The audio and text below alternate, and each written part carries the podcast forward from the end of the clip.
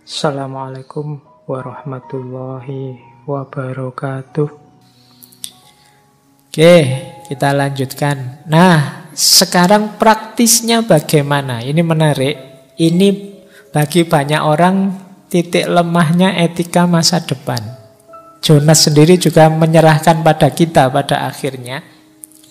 Bagaimana seandainya manusia hari ini tidak ada yang mau tanggung jawab? Kalau semua orang tidak ada yang mau berkorban untuk masa depan. Apakah kita masih tetap mau demokrasi? Kalau demokrasi itu kan ya memang haknya mereka, Pak, tidak mau tanggung jawab. Memang orangnya memang belum ada di masa depan. Nah, akhirnya kata Jonas apa? Kalau begitu mungkin perlu satu benevolent dictatorship. Benevolent dictatorship itu diktator yang baik hati tapi. Diktator yang baik. Diktator itu kan memaksa, tapi ini baik dia. Dipaksa ke arah kebaikan.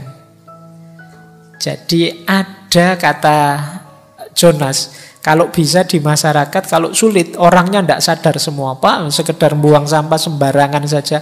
Strategi apa pun tidak mempan Pak. Barang siapa buang sampah, denda 50 juta, ya tetap dibuang sampah sembarangan. Barang siapa buang sampah begini taruhannya nyawa saya baca di mana itu. Ya tetap buang sampah sembarangan. Sulit Pak ini menghadapinya. Ya sudah kata Jonas, kalau di masyarakat ada satu elit khusus yang tugasnya memaksa. Jadi memaksa orang dengan aspek kelestarian ini.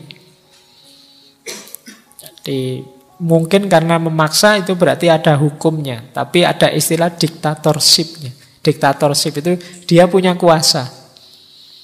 Mungkin menghukum di tempat atau apa kan istilahnya diktatorship. Jadi memaksa tapi untuk kebaikan.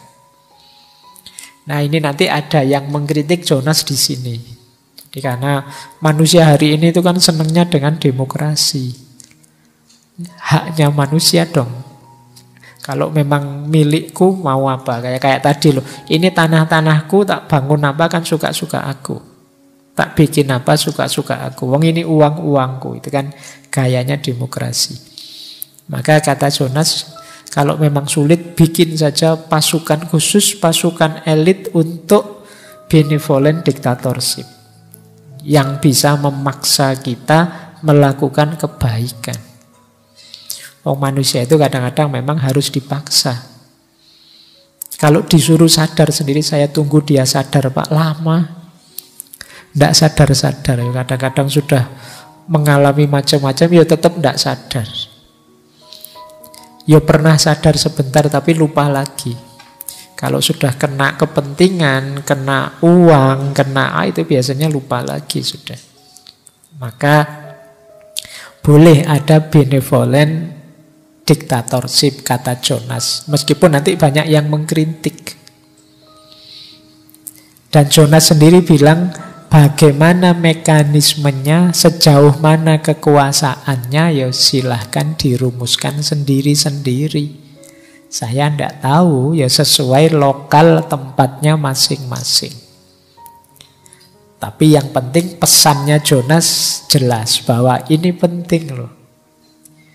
Mungkin kelihatannya idealis, tapi kalau kita tidak peduli ini, ya nanti memang apokaliptik situasi kiamat yang akan kita hadapi, ya situasi yang kita ciptakan sendiri, kelakuan kita sendiri.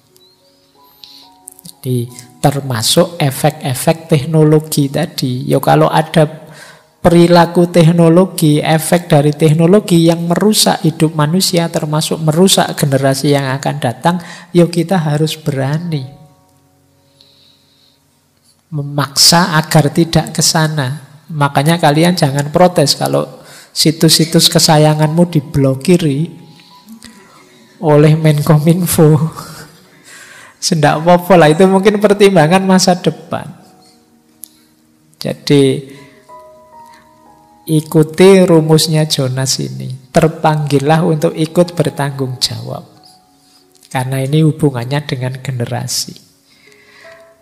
Baik, terakhir ini ada quote dari Jonas.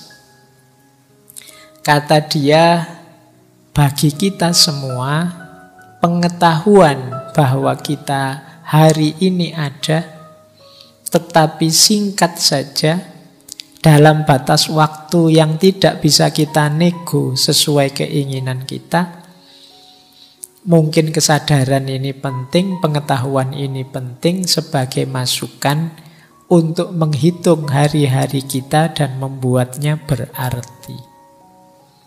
Mari kita ketahui, mari kita sadari, sekarang kita ada, besok kita tidak ada. Waktu kita terbatas.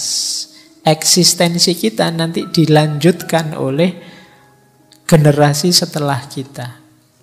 Maka kesadaran ini ayo dijadikan titik pijak untuk menghitung apa yang bisa kita lakukan. Apa yang berarti dan bermakna yang bisa kita jalankan.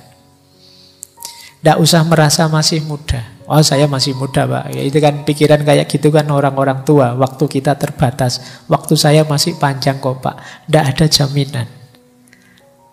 Banyak yang lebih muda itu yang berangkat duluan.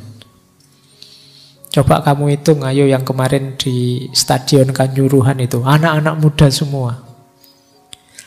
Jadi jangan merasa lebih muda berangkatnya nanti-nanti. Saya sudah lebih tua. Kalian yang masih muda tidak jaminan juga. Maka tidak usah mikir itu, sadari saja waktu kita terbatas. Tidak panjang. Kalau kita tidak segera melakukan perbaikan, ya generasi yang tadi kita keluhkan dengan berbagai problem, tidak akan bisa terkoreksi jadi lebih baik. Jadi ini PR kita semua, mumpung kita pas lagi sadar. Mungkin ya pas lagi di ruangan ini nanti keluar tidak sadar lagi. Tapi saya wanti-wantikan itu. Makanya istilahnya Jonas etika masa depan. Sistem moral yang mempertimbangkan masa depan. Tidak moralitas yang egois, yang mikir aku saja, diriku saja sekarang. Gimana caranya aku dekat sama Allah, gimana caranya jadi orang soleh, gimana caranya sampai aku bisa mencintai Allah bersatu dengan Allah. Oke, Alhamdulillah itu bagus, tapi jangan lupa anak cucu kita.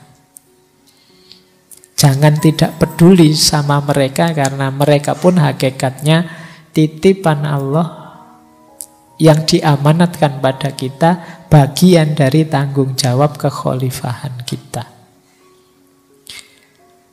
Baik, saya kira itu ya untuk malam hari ini pesan masa depan dari Han Jonas. Oke, untuk malam hari ini saya cukupkan sekian dulu. Mohon maaf kalau ada yang kurang berkenan, mungkin satu dua kekurangan apa, mohon dimaklumi kalau ada kekhilafan, kealpaan yang teman-teman ngerti benernya seperti apa, ya silahkan disampaikan. Kurang lebihnya mohon maaf. Wallahul muwafiq. Wallahu a'lam bisawab. Wassalamualaikum warahmatullahi wabarakatuh.